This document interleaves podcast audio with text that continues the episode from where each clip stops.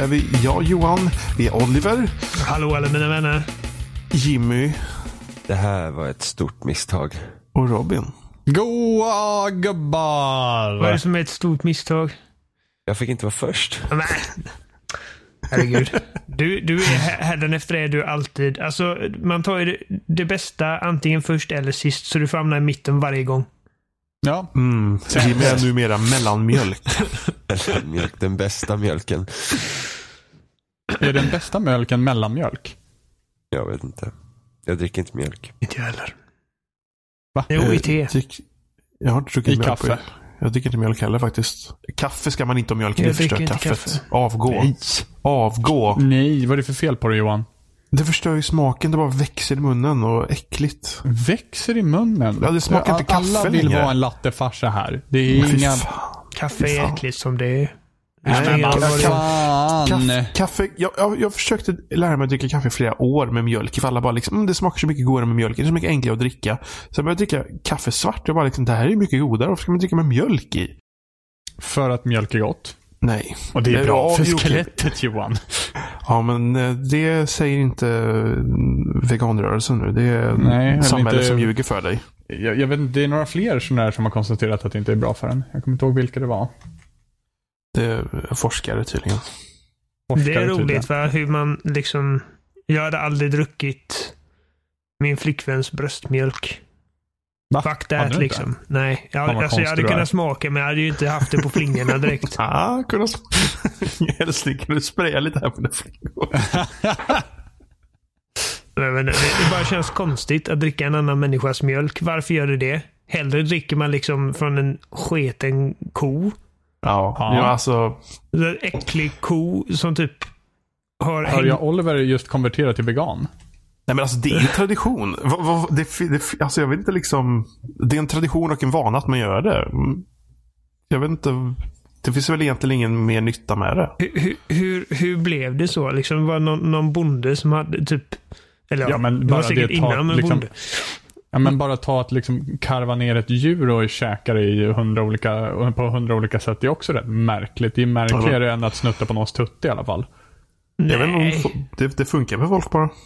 Det är inte märkligare. Du ser, djuren äter ju varandra och de dricker sin egen mjölk. Du ser ju inte en eh, liksom en lej, ett lejon gå och Ja, suga jag på tutten på en tycker att det är get. argument...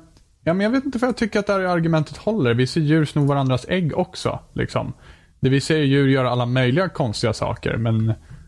Ja, det är lika... Det är ju också det ett var Intressant, för... intressant början på spelsnack. Vi Jag bara, pratar om... tänker, jag bara tänker mycket på hur, hur, hur grejer kom till. Liksom. Alltså hur. Det var någon gubbe som såg en ko någonstans och bara åh de där hängiga tuttarna de vill jag suga på. Och sen bara åh det här var faktiskt inte så Det var- dumt.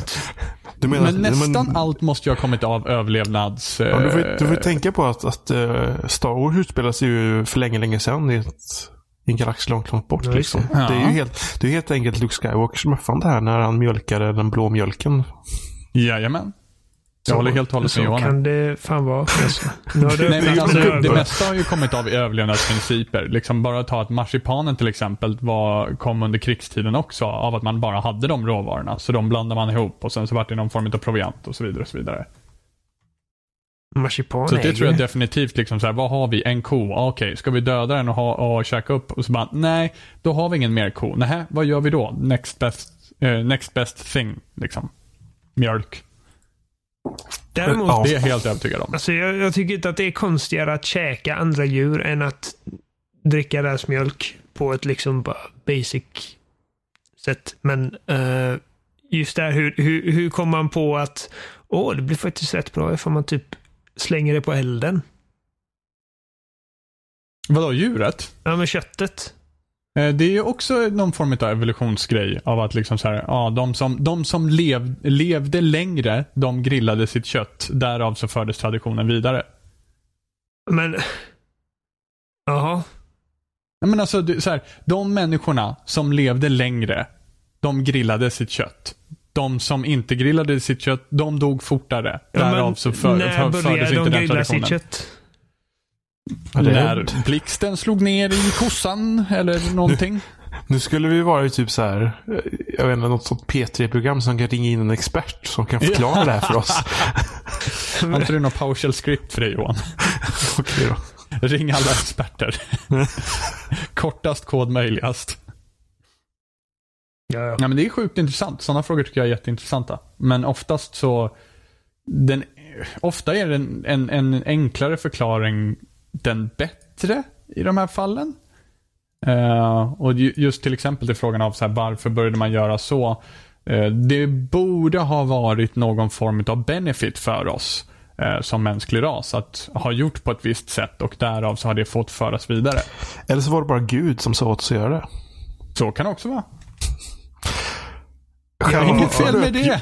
Skär man fortfarande upp djur i uh, Far Cry, Oliver? Eh, ja. Skönt att Eh, höra. Men de har tagit bort animationen för det. Vilket är rätt skönt för att efter, att man har typ sett den här killen liksom skära upp ett djur och bara slänga en hög med typ slafsig hud i en säck någonstans så blir man rätt trött på det. Så att nu, nu går du bara fram och trycker på eh, fyrkant, eller ja, X på Xbox. Ja, det måste ju vara skönt bara för att det snabbar upp uh, takten lite också. Ja, jo, det går, ja precis. Exakt. Det var, det var det jag menade. Liksom att det bara, För du, det du har helt enkelt spelat Far Cry, nu ska vi se, är det fem där? fem, ja. Eh, nästa mainline-spel. Jag... eh, ah, nu kommer jag att tänka på Primal och, och hur besviken jag blev över att det inte var ett dinosauriespel. Det hade varit awesome. Eh, men Far Cry 5 i alla fall. Ja, det har jag spelat. Är det någon annan som har spelat det? Nej. Nej. Vad fan Johan, jag har för mig att du... du, du Nej. Jag, jag, alltså jag, jag är sugen på det. För att jag, även fast jag är kanske lite trött på det, så känner jag att det verkar som att det är en av de mer finslipade. Uh, verkar det som. Och att jag gillar att det är...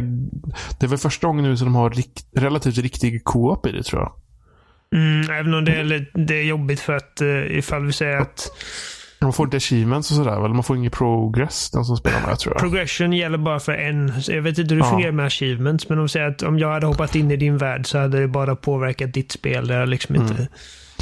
Det, det är ju lite synd, men... Det är eh, synd ja, för att det, det gör ju att man nästan hellre spelar själv. Ehm, För det funkar ju bättre i deras andra spel, eh, Ghost Recon. Om man väl på riktigt spelar tillsammans är ungefär på samma ställe så Mm. eh, låser man upp i alla fall. precis. Det du gör i din kompis spel får du även gjort på din, din profil. Ehm, Men jo, men jag är sugen på det, men jag har inte köpt det. Jag spelade nyss klart Far Cry 3. oj, oj, bara, oj, för ja. att, bara för att jag köpte mitt 360 med så här bakåtkompatibilitet. Eller mitt Xbox One menar jag. Ja, Far Cry Eh, 3 var ju liksom början på vad Far Cry är idag. Ehm, för att det, det har Ja, varit... Det fanns för- väl små rester i tvåan, men... eh, Jo, men ja. det alltså formen liksom sattes med, eh, med trean. Det är liksom många Mm. animationer och grejer från det spelet som fortfarande lever, lever idag. Eh, första spelet var ju väldigt annorlunda. Det var, det var ju ingen öppen värld för det första, har för mig. Utan det var ju Nej. liksom typ som Crisis, att du hade banor som var, de kändes som öppna världar för att de var Ja, så jävla precis. stora. Men det liksom, Men precis som Crysis så var det nästan mer ett eh, tech-demo för, för deras Cry-engine. Mm, jag kommer ihåg, jag tyckte det var så jävla coolt i spelet. Det, det, eh, jag vet inte, jag tror inte att det gjordes under Ubisoft. Eh, Far Cry hamnade väl hos Ubisoft efter första spelet här för mig. Ja, det, ja, precis. Det var alla de här konsolvarianterna som kom sen först till original Xbox Mm. och sen till Xbox 360 som uh, Ubisoft uh, tog hand om. Precis. Tvåan kom och eh, det var ju liksom Alltså, det har ju ingenting med första spelet att göra utan det var, det var ju Nej. mer av en liksom någon andlig eh, vidareutveckling på vad första spelet gjorde liksom med du och du har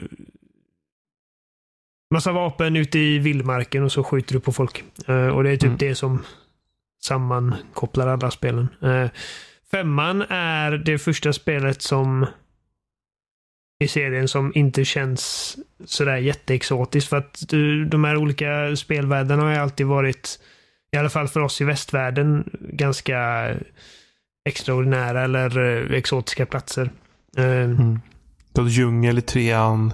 Ja, eh, det var en tropisk ö i trean. Ja. I tvåan var det ju Afrika och eh, fyran var det ju var det Himalaya. Jag kommer inte ihåg exakt vad det var, men liksom Ja. något Höga berg och bergigt och snöigt. Eh, det här utspelar sig i Montana i USA. Så att, eh, jag menar, när man går genom skogarna där i, i spelet så liksom många av de här skogarna hade liksom kunnat passa hemma i ett svenskt landskap. Så det känns mer close to home. Eh, för oss i den här delen av världen. Vilket gör att det redan med en gång känns eh, tillräckligt annorlunda för att kännas som ett liksom riktigt hopp framåt. För jag tycker fyran, fyran kändes ju för mig ungefär som en återupprepning av trean. Alltså det, det kändes extremt de, likt. De var för lika. Ja, eh, för mig att de, de hade väl i princip bara rippat all, all, all, alla interface och eh, olika assets och grejer och bara försatt det till en ny värld och slängt in en ny skurk liksom. Det hade väl fördelen att man kunde spela det på typ PS4, Xbox One istället för uh, istället för förra generationen. Så det Precis. flöt på lite bättre och sånt. Så det var ju mest tekniska fördelar. ja. Och tråkigare, tråkigare bad guy tycker jag. Ja, eh, dels för att man liksom, för att Vas i trean kom ju som en sån överraskning. Man hade ju inte räknat med att han skulle vara så, eh, så fängslande som en karaktär som, som han faktiskt var. Eh, så sen dess har det liksom känts som att ja, nu måste det finnas en så här, typ färgstark, eh, excentrisk skurk. Eh, men eh, i alla fall, så, så nu, nu är vi i Montana och eh, skurken är någon typ religiös eh, extremist eh, som, eh, som tycker liksom att antingen så eh, följer ni mig och mitt sätt att tänka och leva under typ eh, efter Jesu Kristi eh, Alltså, jag kan inte ens prata svenska längre. Jag bara får upp allting på engelska i huvudet. Jag är helt... Jag måste... Jag får typ flytta från landet. Eh, vi får, vi får köra ett avsnitt med lite svengelska och... eller hur? Eh, Köp alltså, export. eh, den, här, den här gubben, han, han, han har sin manbun och sina solbriller och står i liksom en kyrka och eh, rabblar massa eh, religiöst nonsens och eh, liksom... Låter som Jimmy. Okej. Det vet jag inte om jag håller med om. Men, eh, och eh, han har sina här följare och alla är liksom så här jätte typ America och så skjuter Men det de är väl ihjäl typ folk. hillbilly Ja, liksom. det är väldigt hillbilly, det är väldigt uh, rednecky och eh, eh, jag vet inte riktigt. Den här, den här religionen är, den är lite abstrakt för jag vet liksom, jag, jag har ju bara spelat kanske en eh, jag vet inte, jag är väl kanske bara uppe i en åtta timmar nu vid det här laget. Vilket eh, det är ju rätt mycket ändå, men det, det är liksom i förhållande till hur lång tid de här spelen tar att spela så är det inte så jävla mycket. Eh, så jag vet inte riktigt vad det är de förespråkar. De snackar massa om att ja, alla, alla är liksom sinners och eh, vi kan typ eh, med hjälp av smärta redeema oss och det är bara massa nonsens. Poängen är att de är onda. Och tror att de är goda. De, är- de är liksom de enda, de Låter som enda Jimmy. goda i hela världen. Ehm, och eh, de är såna jävla svin så att jag, jag var i alla fall, jag var ganska investerad redan från första början för att den här, den här skurken som leder dem allihopa, han heter vad heter han? Jacob tror jag. Jacob Seed. Och eh, han är hur creepy som helst. Och hans följare är liksom helt bananas. Och eh, man ser liksom hur de hur de har lagt det här folket i Montana under sig. De har verkligen, de har verkligen tagit över hela hela skiten och eh, man ser hur de typ har bränt folks åkrar och de har ihjäl deras boskap bara för att i, i princip trakassera dem till att konvertera sig. Ehm. Och eh, de tar gisslan och eh, har ihjäl dem och avrättar dem på, på öppen gata och man, och man bara, man blir så jävla arg på dem. Så det är lätt liksom att, eh, att eh, det blir en sorts eh, hakpunkt för mig redan från början. Eh, det finns inga... De har gjort en del, alltså ganska, ganska små förändringar till formen. Som ändå gör att, liksom tillsammans gör det ändå att det känns nytt för mig. Det, jag, jag, jag får inte alls samma, samma känsla som jag fick med fyran. Liksom att oj, det här är jag, det här är jag, bokstavligen allt det här har jag redan gjort. Uh, Känns det, liksom, känns det mer finslipat? Ja, alltså det, är, det är grymt finslipat. Det, det är väldigt, eh, väldigt polerat och det, allting bara fungerar. Jag är väldigt imponerad av eh, bara en sån sak som att eh, alla fordon bara fungerar. Du bara sätter i dem och de, och de, de bara gör som du vill. Eh, flygplan första gången i serien, vad jag vet. Eh, och eh, helikoptrar och grejer och liksom allting bara Allting känns bara väldigt intuitivt. Men det eh. känns ju som att de har lånat mycket. För jag har ju bara sett typ lite när folk spelat spelet. Och jag har själv spelat eh, det här Ghost Recon. Mm. Det känns som att de typ tagit eh, lite saker därifrån. Typ hur till exempel kartorna är uppdelade direkt. Att du inte, för att i de tidigare spelen så har du varit låst från olika delar av kartan. Uh, det är du inte här va? Tror inte det. Uh, för att jag Nej, ja, men i trean så var det så att du var på en ö och sen så kom man till en kritisk punkt i storyn och sen så kom man till en, nästa mm. ö. Det var det fyran var det ju typ, fyran hade du typ nästan liksom som en osynlig vägg liksom. Typ, mm. Eh, som stoppar ifrån dig till nästa område. Det minns jag inte, men uh, du har säkert rätt. Uh, jag tror inte att det finns sådana begränsningar i det här spelet, men, men jag är inte säker för att jag har liksom inte försökt att ta mig runt hela världen för att det är liksom uppdelat i tre regioner. Du startar mm. liksom på en liten, på en liten ö eh, alltså en jätteliten ö precis i mitten av hela världen. Eh, och sen så finns det liksom, det är uppdelat i tre distrikt och alla ägs av eh, en annan familj av Seed-familjen. Alltså Jacob Seeds eh, syskon tror jag de är. Mm. Och du ska liksom systematiskt sätta käppar i hjulet för, för de här olika syskonen uh, en efter en.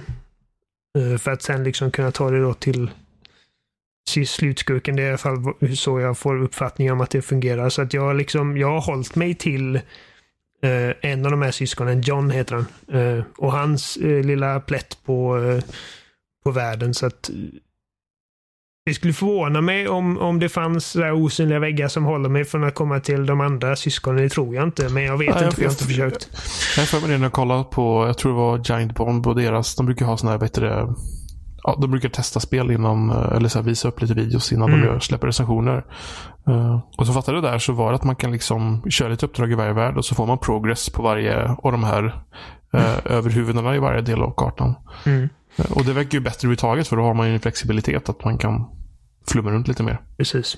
Uh, jag kommer ihåg när spelet utannonserades med sådana här typ små korta teaser-videos och jag och Jimmy som är så här True Detective-fans bara åh, fan vad coolt. Tänk om det är liksom verkligen alltså eh, mycket mer seriös uh, berättelse. Typ du är liksom, ja men alltså den True Detective-modellen med väldigt liksom hemska mord och du är liksom en polis som ska ut och, och utreda detta.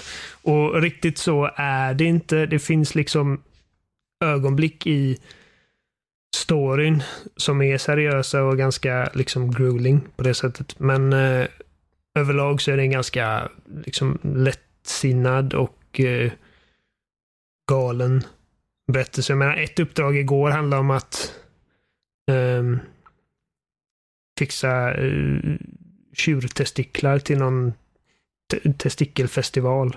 Som de hade där.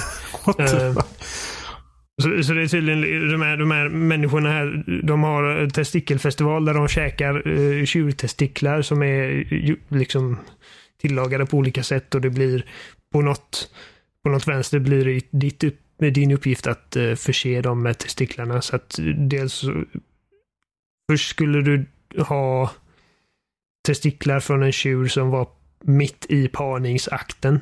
Så först måste man hämta en, eh, en ko. Och sen måste man vänta tills en av tjurarna hoppar upp på kossan för att eh, ja, För att vad Oliver? älska med kossan. Och eh, sen... Idka älskog. ja, precis. Och när den gör detta så kommer det upp en stor så här, typ, Älgskog. markör på älskoge. Ja. Har, har du inte hört det ordet? Jo, men jag skämtade och sa älgskog. Ah, ah, okej. ja, ursäkta mig. Ah, mm. Eh, så, att, så, så när han hoppar upp på honan så kommer det upp en liksom ikon över uh, tjuren. Bara, Kviga. Kill. Kossa. och sen efteråt så skulle man eh, ta testiklar från en tjur som man har kört över med en sån här liksom eh, plog.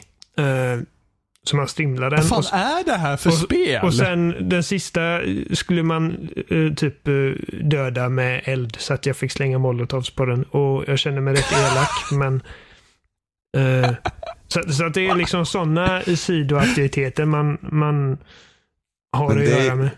Det blir så absurt för att om sen när vi kollar på den här teaser-filmerna.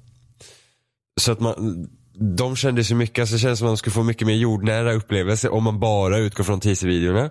Mm. Eh, och det är väl ändå ganska mycket problem egentligen i många av de här Ubisofts eh, öppna världsspel-emojer för att de är de har den här seriösa sidan som de gärna målar upp spelen från början. Mm. Och sen ska de ändå innehålla samma det här absurda som Rockstar gör med sina GTA-spel.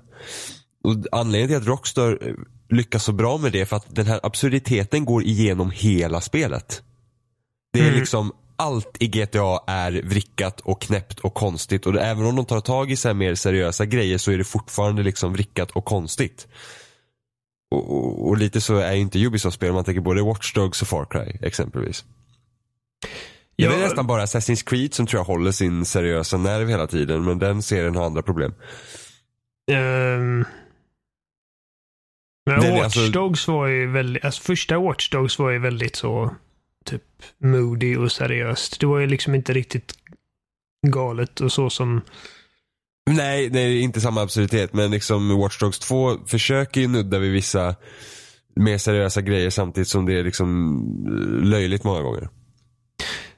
Det, var- alltså det, jag upplevde det som att Watch Dogs 2 redan från start var liksom att okej, åh, nu är en så här typ uh, douchebag med massa eh, så här klistermärken på sin dator. Um, Jo, jo, jo men också alltså, men jag tänkte mer alltså, i spelet också. Alltså, det var ju en tonförändring mellan ettan och tvåan i Watch Dogs. absolut. Men, men även i spelet när de liksom försöker ta tag i seriösa grejer men samtidigt. Men som vi sa det här till exempel, du har vapen i Watch Dogs 2 vilket känns jättekonstigt till exempel. Jag använde aldrig ett skjutvapen i Watch Dogs 2. Inte jag, inte jag heller.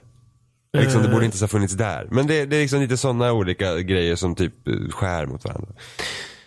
Ja, alltså jag, jag hade ju älskat om Far Cry 5 eh, vågade vara liksom lite mer seriöst och försöka säga någonting eh, om, eh, om USA och eh, vad de går igenom nu eh, på olika sätt. Men samtidigt så, jag menar, jag, jag hade ljugit om jag sa att jag inte hade kul med spelet ändå för, för vad det är. Även om den liksom besvikelsen över att det inte riktigt var vad jag hade väntat mig så det är ju liksom en så blir det ju ibland. Så jag, får- jag får ju lära mig att hålla mina förväntningar i schack. Ehm. Men Uh jag vet inte, det, bara, det, bara, det känns som att de liksom, ungefär som de gjorde med Origins, att de förändrade formen på, på eh, vissa betydelsefulla sätt. Samtidigt som det är liksom samma på andra sätt. Jag gillar att de har tagit bort minimappen från eh, användargränssnittet. Vilket gör att jag liksom, det känns som att jag är mer i världen nu och faktiskt utforskar eh, på ett meningsfullt sätt än vad jag gjort tidigare. Där det känns som att jag bara går från waypoint till waypoint. Här, här kan jag liksom i princip bara gå åt ett håll och hitta roliga grejer att göra. Um, jag gillar eh, hur Guns for Hire-systemet fungerar i det här spelet. För att det, det är någonting jag aldrig riktigt liksom dragit nytta av i tidigare spel, även om det har funnits där. Um, för att då funkar det som så att man kunde liksom kalla in uh, hjälp Eh, när man behövde det. Eh, här så kan de följa med dig i princip hela tiden oavsett vad du gör och du kan liksom anlita eh, random NPCer på gatan som du har räddat från folk. Ehm, och så följer de med dig och så försöker de liksom ifall du, ifall du eh, håller det oupptäckt så försöker de också göra det. Och även om de blir upptäckta så blir inte du det automatiskt. Så att de kan vara liksom en bra eh, distraktion. Och sen finns det också eh, så här, eh, vad kallas, kallas spe, eh, specialist tror jag de heter. Ehm, och det är där till exempel som hunden Boomer är. Eh, när man har gjort eh, Boomers uppdrag i spelet så har man låst upp honom som en companion och han är skitbra för att han, han följer med dig och markerar ut fiender på, för dig. innan du ser dem i princip. och han kan också hoppa på fiender eh, och eh, äta upp dem i princip. Och eh, han kan hämta vapen åt dig och man kan klappa honom så att det är liksom 10 av 10 där. Och sen finns det också, jag menar, det, det, finns det är roligt för att de här olika specialistsen är de är så olika i vad de tillför så att det är roligt att liksom kombinera olika karaktärer. Typ som Snipen. Jag kommer inte ihåg vad hon heter men hon eh Eh, hon är ungefär som Quiet i Metal Gear Solid fast mycket mer påklädd. Ehm, och eh, man kan markera ut fiender för henne som hon, som hon plockar av. Eh, och sen så finns det en annan som är en pilot som hjälper dig med airstrikes när du behöver. Ehm, så att det, det är liksom det tillför ett element som inte riktigt funnits där förut tycker jag. Ehm, de har inga, de har inga sådana här radioton heller nu längre. Kommer du ihåg de förra, förra spelen så var det att man, man var tvungen att mm. klättra upp i ett uh, radiotorn. Och, det är uh, roligast på hela spelet. Ja. Men det är väl, men är inte det lite också just att de har tagit hela det här kartsystemet lite från uh, Ghost Recon? Att du, du ser kartan när du går på området va? Ja, precis. Det är alltså när du öppnar liksom kartan liksom, i början av spelet så finns det liksom då har du liksom, Fog of War liksom, ja, som du får bort. Och allt eftersom att du utforskar världen så låser det upp sig. Um, mm. Det är roligt för att det är ganska självmedvetet på det sättet. För att uh, uh, en av de första grejerna du gör i spelet när du liksom har fått kontroll och uh, efter tutorial-delen helt enkelt. Så blir det ombedd att klättra upp i ett torn. Och när man har gjort eh, vad man ska göra där uppe i tornet så säger gubben över radion bara ah, jag vet vad du tänker, oroa dig inte, du kommer inte göra det här mer liksom, utan nu är det gjort. Typ. um, och uh, men det, det, det, bara känns som ett lyhört spel, liksom att de har lyssnat på eh, liksom, vad fansen tycker och uh, försökt ändra eller ta bort grejer som de, som de har tröttnat på. Um, Samtidigt som det, alltså det, det känns ju väldigt mycket som Far Cry uh, fortfarande. Det, det, är inte riktigt den liksom drastiska förändringen som jag hade hoppats på, men samtidigt så är det kanske jag inte skulle ha förväntat mig heller. Och grymt, alltså jävlar vad snyggt det är. Alltså jag spelar på Xbox One X och det är typ ett av de snyggaste spelen jag har sett. Löjligt Snyggare än Sea of Thieves. Ja. Jag menar, på, på ett tekniskt plan så är det det. Sea of Thieves har ju finare vatten än vad Far Cry har. Det, det, det, är, väl, det är väl i princip, det är väl vattnet som Far Cry inte gör så jävla snyggt. För att ibland så känns det som att man simmar genom typ genomskinlig gelé i princip. Men allt annat är verkligen hur snyggt som helst. Jag, jag har sett videor, alltså jag har inte spelat själv. För Nej. att jag tyckte inte om Far Cry 4. Jag tycker att Far Cry 4 var rätt så dåligt. Men jag har sett videor på miljöerna i spelet och enbart den aspekten får mig att vilja spela det. Bara ja, för att jag tycker att miljöerna är skitsnygga. Det är skitfint. Särskilt när det ligger som ett lite tunt täcke av typ eh, dimma över granarna. Uh, ja, alltså det, det, är jättefint verkligen. Och uh, jag verkligen, jag bara, jag bara trivs i världen på ett sätt som jag inte gjort någonsin tror jag. Alltså, jag, jag gillar ju Far Cry 3 men det var inte direkt den alltså, tropiska settingen som gjorde att jag älskade det. Jag tycker alltså att... någonsin, någonsin eller någonsin i ett Far Cry? Någonsin i ett Far Cry då, givetvis. Ah, Okej, okay, bra. För jag tänkte, jag tänkte säga Witcher 3, stora protester. Nej, nej, nej. Eh, nej, eh, nej, jag menar att det här är liksom min favoritvärld i ett Far Cry-spel. Eh, så att... eh, jag, inte, jag, jag vill bara sluta podda nu så jag kan gå tillbaka och spela. Får jag det? Nah. Jag Du skulle, du skulle ha tagit med dig eh, Du skulle ha tagit med dig kontrollen Oliver, så du kunde sitta och spela poddar samtidigt. Mm. Ja, men jag, jag, Mm. jag gjorde det medan du och, och Johan snackade om något, om något skript där i typ ett tre timmar innan. Så, att, Så, eh, fort, så lång tid tog det inte. och, Tre timmar eh, innan. Vi börjar klockan ett. Jag Och märkte att... klockan är eh, sex. Ja, fy fan.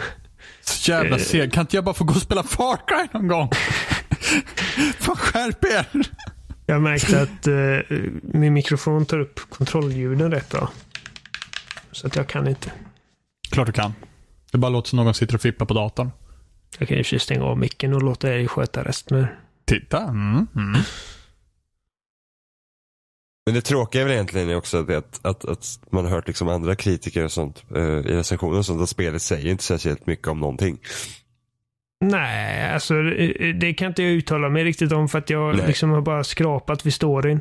Eh, Nej, Jag har fått typ, jag har fått typ delar av slutet spoilat för mig. Eh, jag ska inte säga det såklart. Men det är så här, liksom, mång- det har ändå varit så här som att ja, alltså Ubisoft, det är liksom så här att man tar de här grejerna men man gör liksom inte riktigt någonting med det egentligen.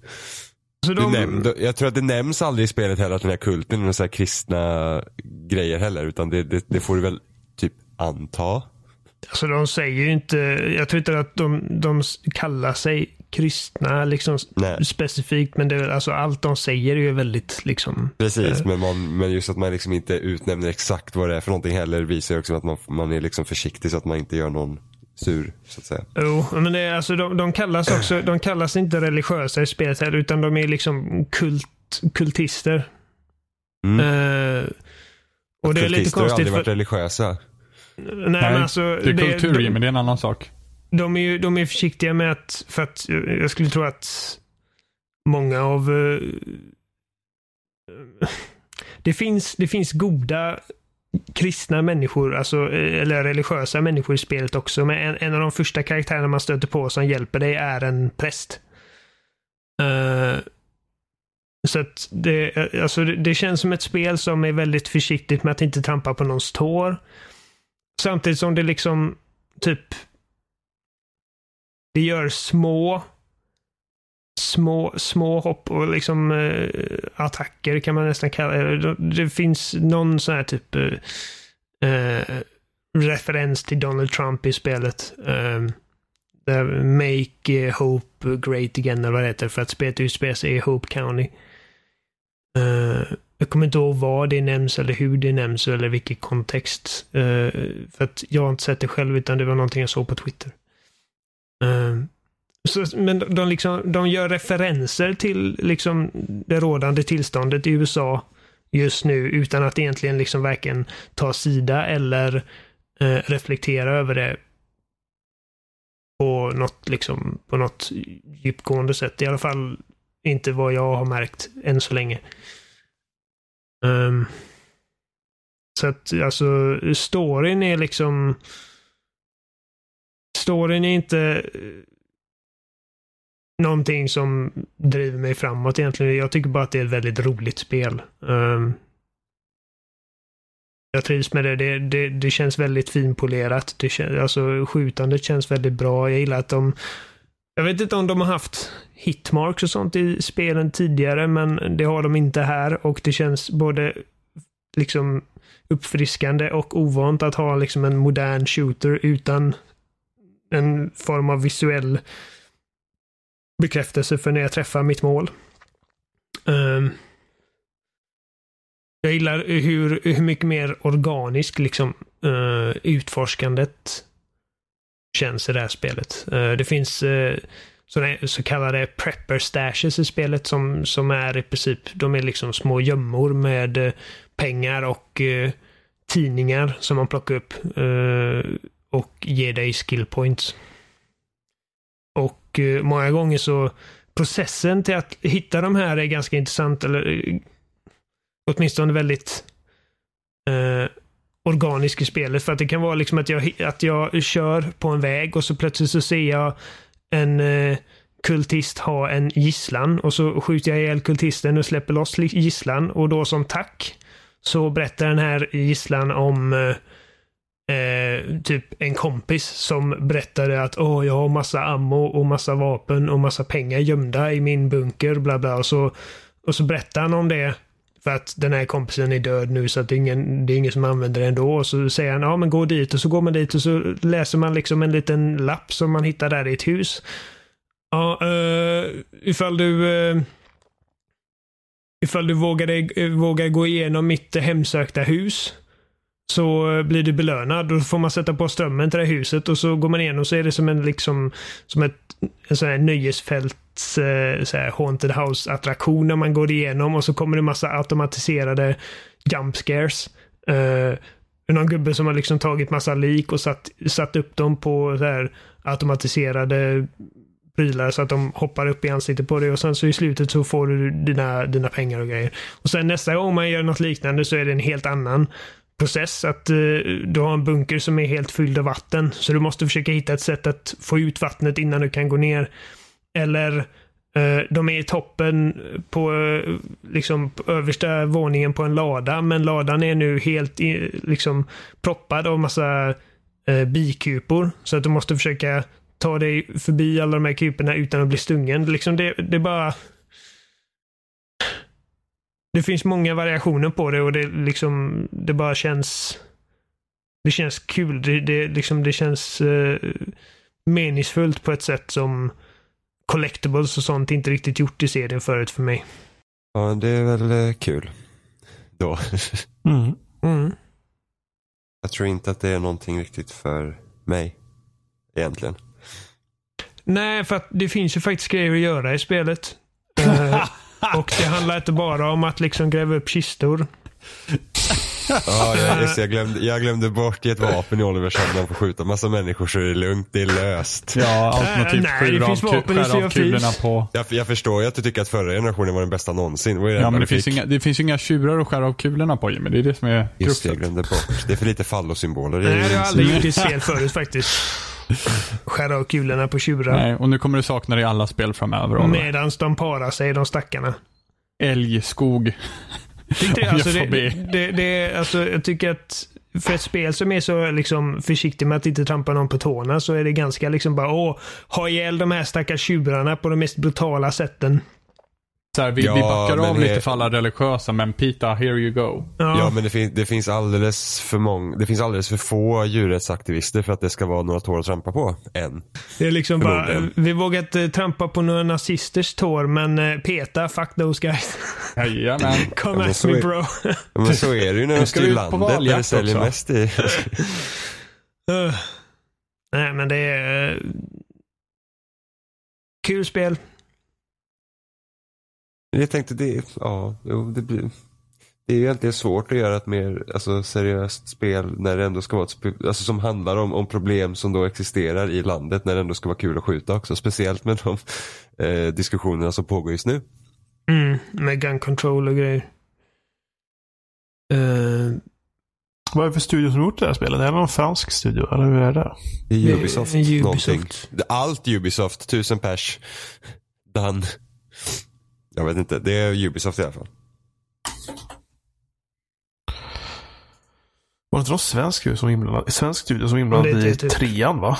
Montreal, jag vet inte. Ja, det var ju... Ja, det, det är det Kanada. Ju, det var, det, det var Montreal och Toronto. Det, det, var ju Massive som gjorde multiplayer till Far Cry 3.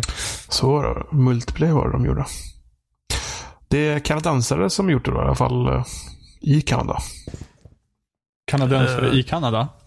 Ja, jo, ja, jo men det, jag tänkte att de kan ju importera lite ja. arbetskraft andra sätt. Håller sig kanadensarna i Kanada, Johan? Fan, vad säger du? Montreal och Toronto, är det fransk-Kanada eller engelska Kanada? Uh, det är väl här, ganska kollar, blandat. Jag kollar på Google. Uh, ska vi se. Ubisoft Reflections, Ubisoft Ukraine, Ubisoft Montreal, Ubisoft, uh, Ubisoft Shanghai, och sen så kan man trycka på mer för att visa ännu mer. Så det, det är rätt många. ja, så, så, Så Ubisoft med andra ord. Ja. Ubbe. Ukraine, Montreal, Shanghai, Toronto. Okej. Ja. Jag undrar om det inte var Ubisoft Shanghai som har haft hand om flera stycken Assassin's Creed-spel. Sådana som har varit typ offshoots. Undrar om inte de gjorde Rogue. Jävligt stort företag. är Helt galet. Jag tycker, jag tycker dock det är lite fascinerande just ehm, för jag liksom personligen har typ sågat Ubisoft något extremt liksom de senaste åren. Speciellt den här tiden när de pumpar ut alla Assassin's Creed hela tiden. Jag spelar, Assassin's Creed hela tiden. Jag spelar dem så inte, men jag liksom tyckte det var så... Det var någonting som fick mig att liksom tappa smaken för Ubisoft överhuvudtaget. Speciellt liksom Watch Dogs-tiden. När första Watch Dogs kom. För, jag vet inte, det var någonting med typ deras kvalitet som typ sjönk i botten just vid den tiden. Och det känns tycker jag som att de har typ skärpt sig ganska mycket om man kollar på senaste Assassin's Creed och just detta spelet. Eh, Jag tycker Ubisoft har skött sig jävligt bra den senaste... ja, men det känns som att de har tagit sig i kragen och finslipat lite mer. Det var, det var ett tag sedan jag också var rätt liksom eh, rätt grinig på Ubisoft. Men det var ju under den tiden och det kändes som att alla deras AAA-grejer liksom kändes likadana. Ehm, Men är väl typ fortfarande typ ish likadana. Ja, här har de ju kollat mycket förutom på... att det är bättre, alltså, det känns Ja. som att spelen är inte tillslipade men annars är det ju väldigt mycket samma strukturer. Ja, men det, är- alltså, det är ju inte natt och dag, men de har ändå gjort liksom i alla fall många mindre förändringar på dem. Ehm, som att de, de har liksom gjort sig av med typ eh, att klättra upp i torn och sån skit. Det liksom, även om det låter som en liten grej så är det en ganska stor grej. I alla fall för mig. För att det eh, När man har spelat Watch Dogs och Far Cry 3 och Assassin's Creed och eh, alla de här grejerna och, och alla har någon form av radiotorn man ska upp i och typ gösa med så det gör ju inte att de känns liksom annorlunda direkt. Jag kollar på Shanghai, de har gjort en hel del. Ja, men de är ju också, de är också en studio som är med på alla grejer. Ja, även uh, Rocksmith, Har Rayman 3, Har du, testat, Alive. har du testat de här... eh, man kan ju skapa kartor och grejer. Och Ja, just det. Eh, De har, ju lagt, de har ju lagt in assets från massa andra Ubisoft-spel och grejer. Mm, uh, Barneditorn. Uh, jag har inte ens rört den. Ännu. Så jag, jag, jag, jag har inget att säga om det. Ja. Eh, Det är spännande hur de sköter det. För men jag har hört att det, det ska vara en ganska, ganska mångsidig editor tydligen. Ska kunna göra en hel del men ja, det är ju bara det att de, om någon faktiskt gör någonting som är kul att spela. Att liksom det, det blir någon sorts community runt det. För annars så blir det ju bara en funktion som ingen använder.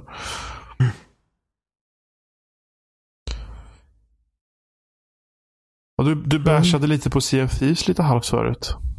Åh, nej, jag, jag alltså. Har du, har du tröttnat Vad på vill det? du Oliver? Men det, det, jag bara kom till en punkt. Uh, Det här spelet var perfekt. Åh nej, jag menar alltså. Jag har en komplicerad relation till Sea of Thieves. Ja, men det har nog jag med. Jag kände väl en kväll, vad var det i förrgår, jag kände att jag kände inte för att spela det överhuvudtaget. Man liksom, man, alltså det är ju mycket samma sak om och om igen. Och sen så spelar man det och så händer det, blir det någon sorts situation med andra spelare som blir helt galen och så blir man, alltså då tänder det till igen, tycker för mig i alla fall. För att det, så blir det liksom helt otroligt igen. Och så blir det tråkigt för det blir samma sak om igen. Eller, och så blir det tråkigt för att man har motvind konstant och det känns som att spelet hatar den. Och man har verkligen, jag har verkligen en hatkärlek för spelet. Liksom. Kanske älskar det lite mer hatar det, men det är... ex- Ja. Det var ungefär en vecka som jag hade hur trevligt som helst med spelet. För att det är liksom, det är ju... Det är ju annorlunda. Uh, än typ allt annat man spelar multiplayer i, i alla fall i den här lilla kretsen. Det, vi, har ju, vi har ju en del, eh, vi har ju många online shooters liksom som vi har hoppat mellan. Vi har, vi har spelat mycket Rainbow Six och vi har spelat mycket Halo och vi har spelat mycket Overwatch. Så att det redan med en gång var liksom tjusningen med Sea of Thieves var ju liksom att här har vi någonting vi kan spela som inte handlar om liksom lightning reflexes och att uh, skjuta ihjäl folk. Uh, I alla fall inte hela tiden, även om det finns element av det också. Mm. Uh, och det, det är bara liksom ett sånt vansinnigt mysigt spel. Bara liksom sett till presentationen och hur det ibland låter blir det, och hur ibland det ser blir ut. det inte så bys, mysigt alltså. Om det blir totalt kaos när man håller på med något stronghold eller någonting. Men man vet ju vad man ger sig Ja, in i såklart. det, det, när man är på en stronghold så då är det ju inte mysigt. Givetvis. Utan jag snackar om liksom när, man, när man Mm. är på skeppet och man har liksom medvind och hela besättningen står och spelar en shanty tillsammans. Eh, och eh, det är liksom en så här typ trevlig bris och solen ligger liksom vid horisonten och gör allting brandgult. Liksom. Det, det är de stunderna som, som spelet är liksom mysigare än någonting annat man kan spela i princip. Uh. Sen så, alltså, jag, jag spelade en vecka och sen var det ungefär som att någon hade liksom Ena stunden så, så tycker jag om spelet. Sen är det ungefär som att någon har tryckt på en knapp och bara nu vill jag aldrig spela det här spelet igen. Och då liksom min, min irritation växer för att det är vid den här punkten som Jimmy har gått från att ja men det, alltså det här spelet det är typ Alltså det, det finns inte någonting här egentligen. Det är, liksom, det är så mycket mi- missad potential. Det finns inte tillräckligt med cosmetics att arbeta mot. Särskilt med tanke på att det är det enda man arbetar mot. Eh, Alla quests är liksom exakt likadana. Uh, skillnaden är typ att antingen så, så är det kistor, dödskallar eller kycklingar i princip. Det, det är den skillnaden vi har att göra med. Och eh, till att sen liksom en dag senare säga det här spelet är fantastiskt, jag älskar det, jag kan inte tänka på något annat. Och då blir jag liksom bara så mycket mer anti bara för att han säger så. Jag vet inte varför. Ja, det är ju synd att du missar ett så fantastiskt spel som Sea of Thieves då när du tänker på det sättet. Men jag missar ju inte, jag spelar det varje dag med er i princip. Babam. Hur Jag känns det sitter ju där. Eh, Jag vet inte. Så Jag tycker det här är knepigt. jätteroligt. Jag, jag bara, det, här, det här är jag helt säker på. Hade ni slutat spela det här spelet ikväll så hade jag aldrig startat det igen. Jag spelade, jag satt från halv elva igår till typ klockan sex i ett streck. Hade en matpaus och sen satt jag typ från åtta till halv tolv. Med spelet. Jag vet inte, jag hamnar i en så här, jag tycker att det är bara, alltså allt vi pratade om förra veckan, det stämmer ju fortfarande. Det, det finns för lite att göra liksom för att typ tjäna upp sin reputation. Det finns för lite cosmetics att kunna köpa. Det mesta är också dyrt. Det borde liksom vara massor med grejer som man hela tiden kan köpa och ändra saker. Men jag tror att det spelet har sin absolut största styrka just nu är när det liknar mer spel som H1Z och DayZ när man har interaktioner med andra spelare. Eller liksom de, Eftersom de samexisterar inom liksom samma värld. Jag, Både liksom typ när det blir strider och när det händer typ konstiga, liksom positiva och så här, trevliga möten. Ja men bara det man åker förbi en annan båt och ingen skjuter på varandra. Liksom bara Det är så här, åh kul, ingen sköt på mig. För att jag har ju sett en massa så här, åh det är så himla mycket problem med griefing och sådana där grejer. Det tycker inte jag att vi har haft något problem Ja, alls det är väl med. det om de tycker att vi till exempel griefar när vi snor nyckeln och drar iväg. Jo men då, är, då slåss vi om ett och samma fort. Det är en annan sak men det är inte som att Alltså, ja, men, det är, ju- men det är ju så definitionen av griefing är. Nej, griefing tycker jag det är bara om man förstör. Det är griefing tycker jag, det är liksom om vi skulle, vi, vi ser ett skepp i en outpost och så står vi bara och spancampar dem. Tills de quittar. Det är griefing. När man förstör med, med enbart uppsåt att förstöra. När vi åker iväg med nyckeln från ett stort fort så är det för att vi ska ha fortet, inte för att förstöra för de andra. Jag har svårt att se liksom skillnaden just på bara liksom att spela spelet och griefing för att jag tycker det är en del av spelet. Man liksom ser en båt och så kör man för att nej, idag ska jag vara lite elak. Och en är det liksom, nu ska jag vara lite snäll. Det är ändå, men alltså skulle vi ta över deras båt och sen bara stå och spancampa dem, de kan Ja, inte du göra tänker så, någonting. att vi inte skjuter ner båten, Eller typ vi- som när vi- folk hoppar in i random Minecraft-server och sen så typ ändrar de alla block Ja, till, men- och men liksom, typ det är griefing. Men typ griefing, att förstöra någon annans upplevelse. Ja. Ja, men, Blir ja, väl typ då? Ja, men det, Fast det är svårt. upplevelsen, det är ju piratspel så jag vet inte riktigt hur man förstör upplevelsen Jo, i, alltså du och spancampar något som de inte kan spela så är det väl en Ja, ja, ja, precis, ja, precis av där. Men jag, upplevelsen. jag, trodde, jag trodde du sa att griefing stör upplevelse, att du, du namngav det som Johans grej.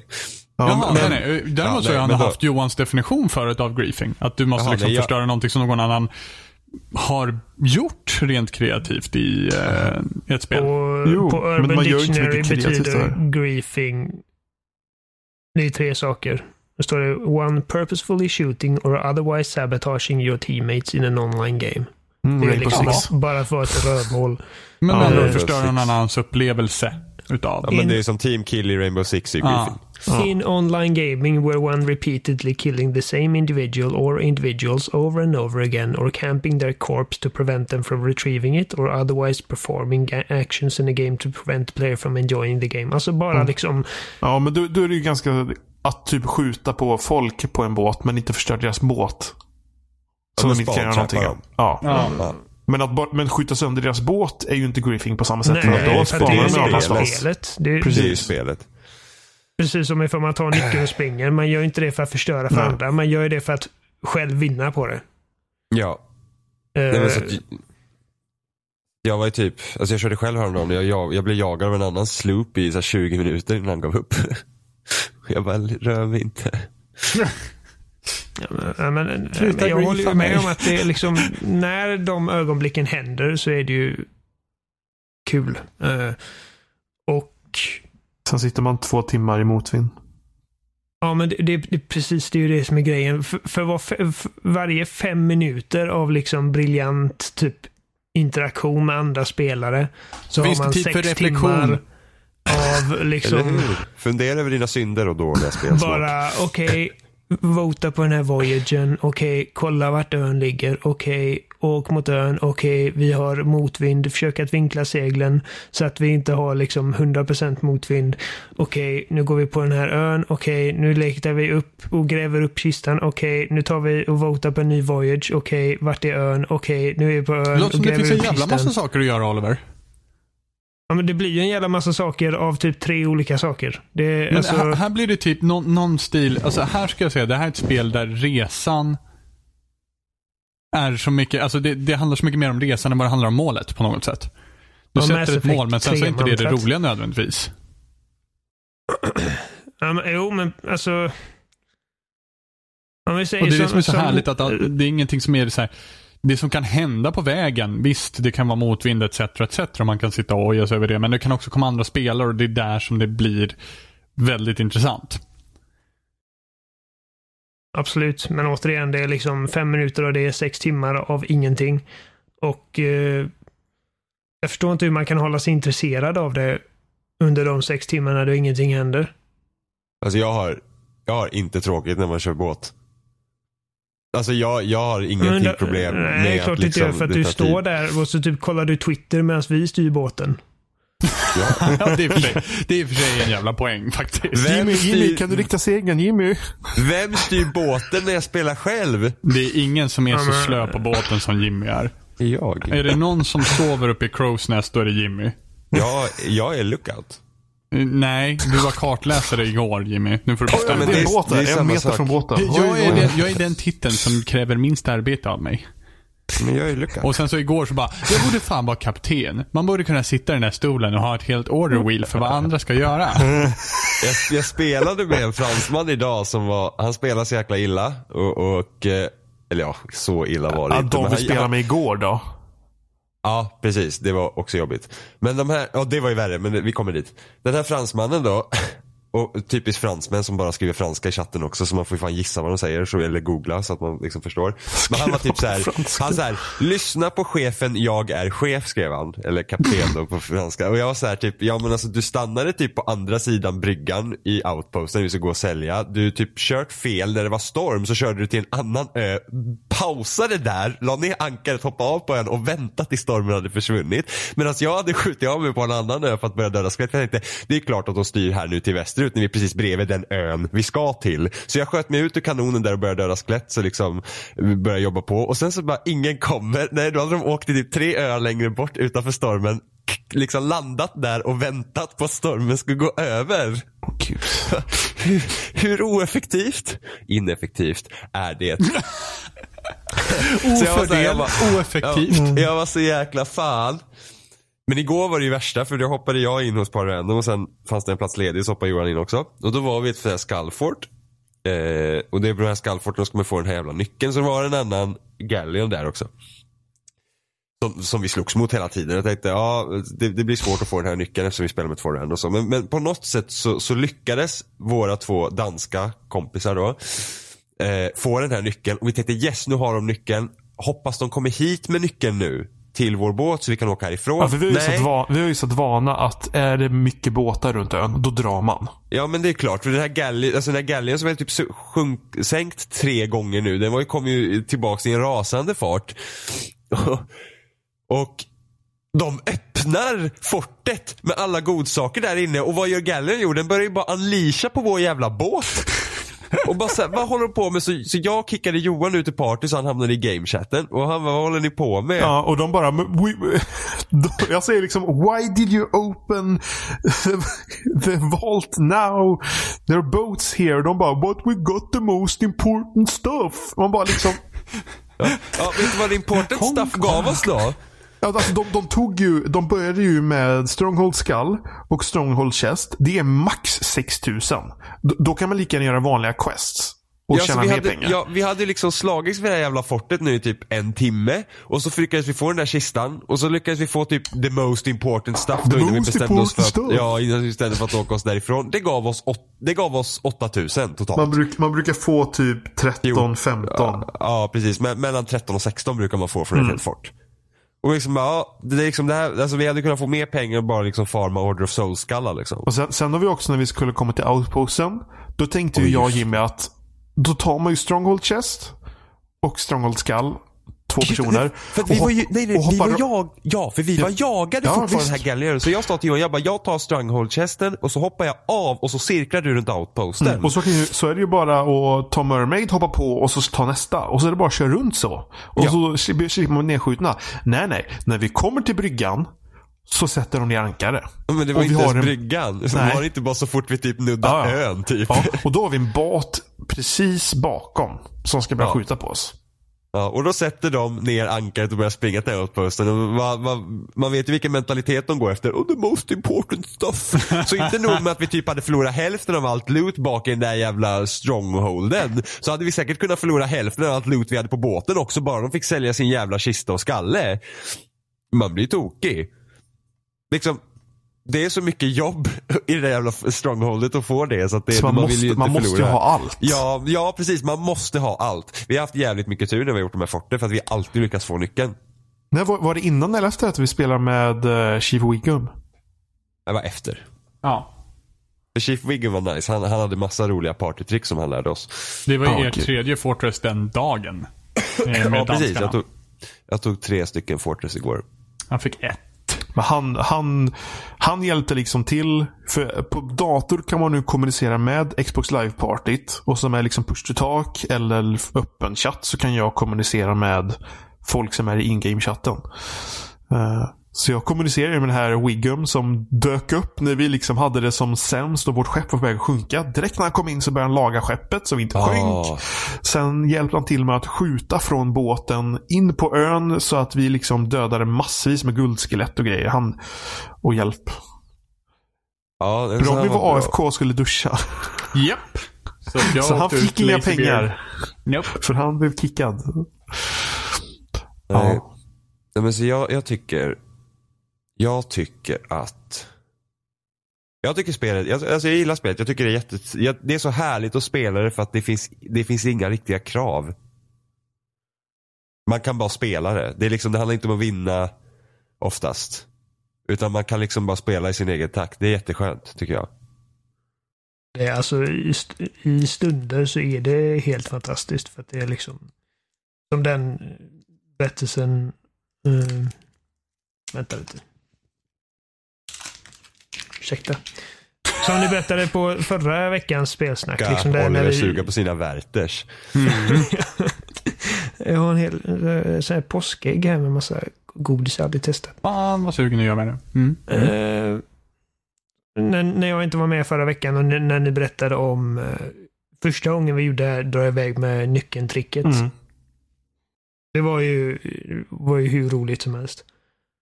Eh, Ni som ville quitta då alltså. Fy. Ja, eller hur? Ja, men nu, nu, fast, det, fast det var inte liksom när vi flydde som jag ville quitta. Utan det var ju när vi var vi mot det andra skeppet som verkligen inte gav sig. Så fort det tredje skeppet kom in i den striden så tyckte jag att då kände jag att få sluta. För då ändrades dynamiken och det gick enklare.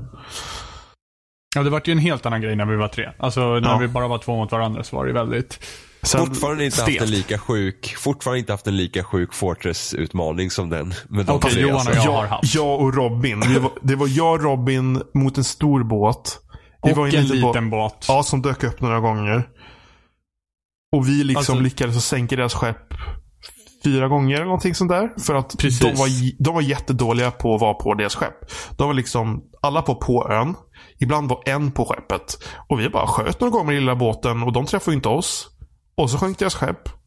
Vi dödade dem och sen kunde vi göra lite saker på ön. Och så gick det liksom så om och om igen. Och vi fick nyckeln. Och vi flydde iväg och de kom inte ikapp oss. Jo, men det, sjuka var ju också det att de, var det, det var du som hade ihjäl bossen här för mig. Nej, du hade elbossen. Jag var på båten. Du, du var på båten, jag hade Ja. ihjäl bossen. Jag får inte tag i nyckeln, jag dör. Men du sänker deras skepp samtidigt. Ja. Så de får tag i nyckeln. Jag hoppar ombord på, på ön igen, har ihjäl alla dem. Så att det är ingen kvar på ön. Men de har gömt nyckeln någonstans på ön. Just det.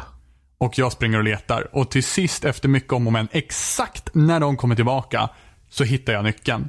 I Hoppar torn. bort till Johan. Bakom Johan, ungefär så här 10 meter bort så kommer deras galjon och bara Mäh! Kör rakt in i oss och bombar allt vad de bara pallar. Ja. Jag hoppar ombord på skeppet. Jag inser att fan, de kommer ju bo där här och jag är nyckeln, så jag hoppar ner igen. När jag kommer ner så ser jag, ah, det är hajar här nere. Så jag hoppar upp igen. Och sen bränner vi iväg full kareta. Då ser Johan, när han står och tittar bakåt, att de hoppar upp i det kanontornet där de har gömt nyckeln. Och då kommer de på att, nej men vad fan, de har ju tagit nyckeln. Och vi lyckas Nej, ju... sjukt. Vi lämnade av dig på en ö.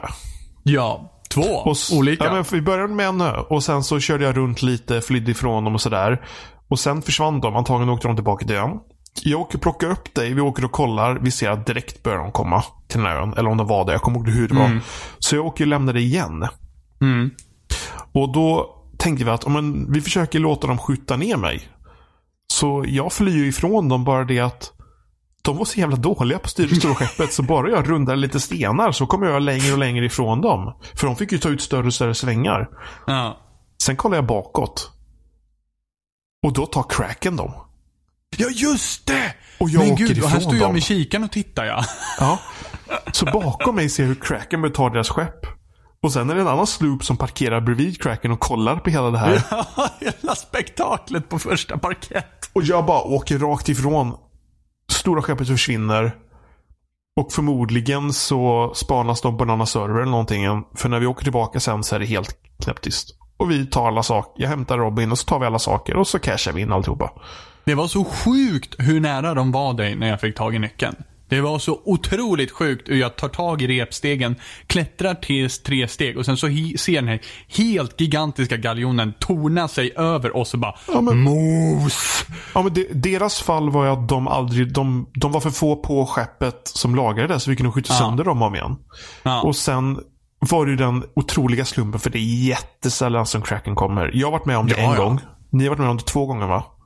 Ja, det där var Ja. nog, det där var min tredje gång tror jag. Och Fast jag var menar, inte ens där. pre- precis, precis innan de får cracken så har jag kört igenom samma del av vattnet. Precis det Ja. området. Och rundat en sten. Och när jag kommer ut ur stenen igen så ser jag att cracken tar dem. Ja. Så det är liksom helt otroligt att det blev så. ja, vi sitter där och wattar i typ fem minuter bara what? Vad händer? Det, ja, jag tog till och med några bilder på det. Ja, det var sjukt. Det var riktigt sjukt. Men det är ju de här upplevelserna återigen som gör spelet och sen så blir det lite delar som är mindre kul. I alla fall för mig. Men jag förstår även det här liksom att man tycker att det är lite, på något sorts lite meditativt eller att det är fritt på något sätt. Man kan göra vad man vill. Men jag, jag tycker ändå att det är väldigt ojämnt på liksom hur man har kul och hur man har tråkigt i spelet. Så det, Mm. det är stora plus och minus för mig.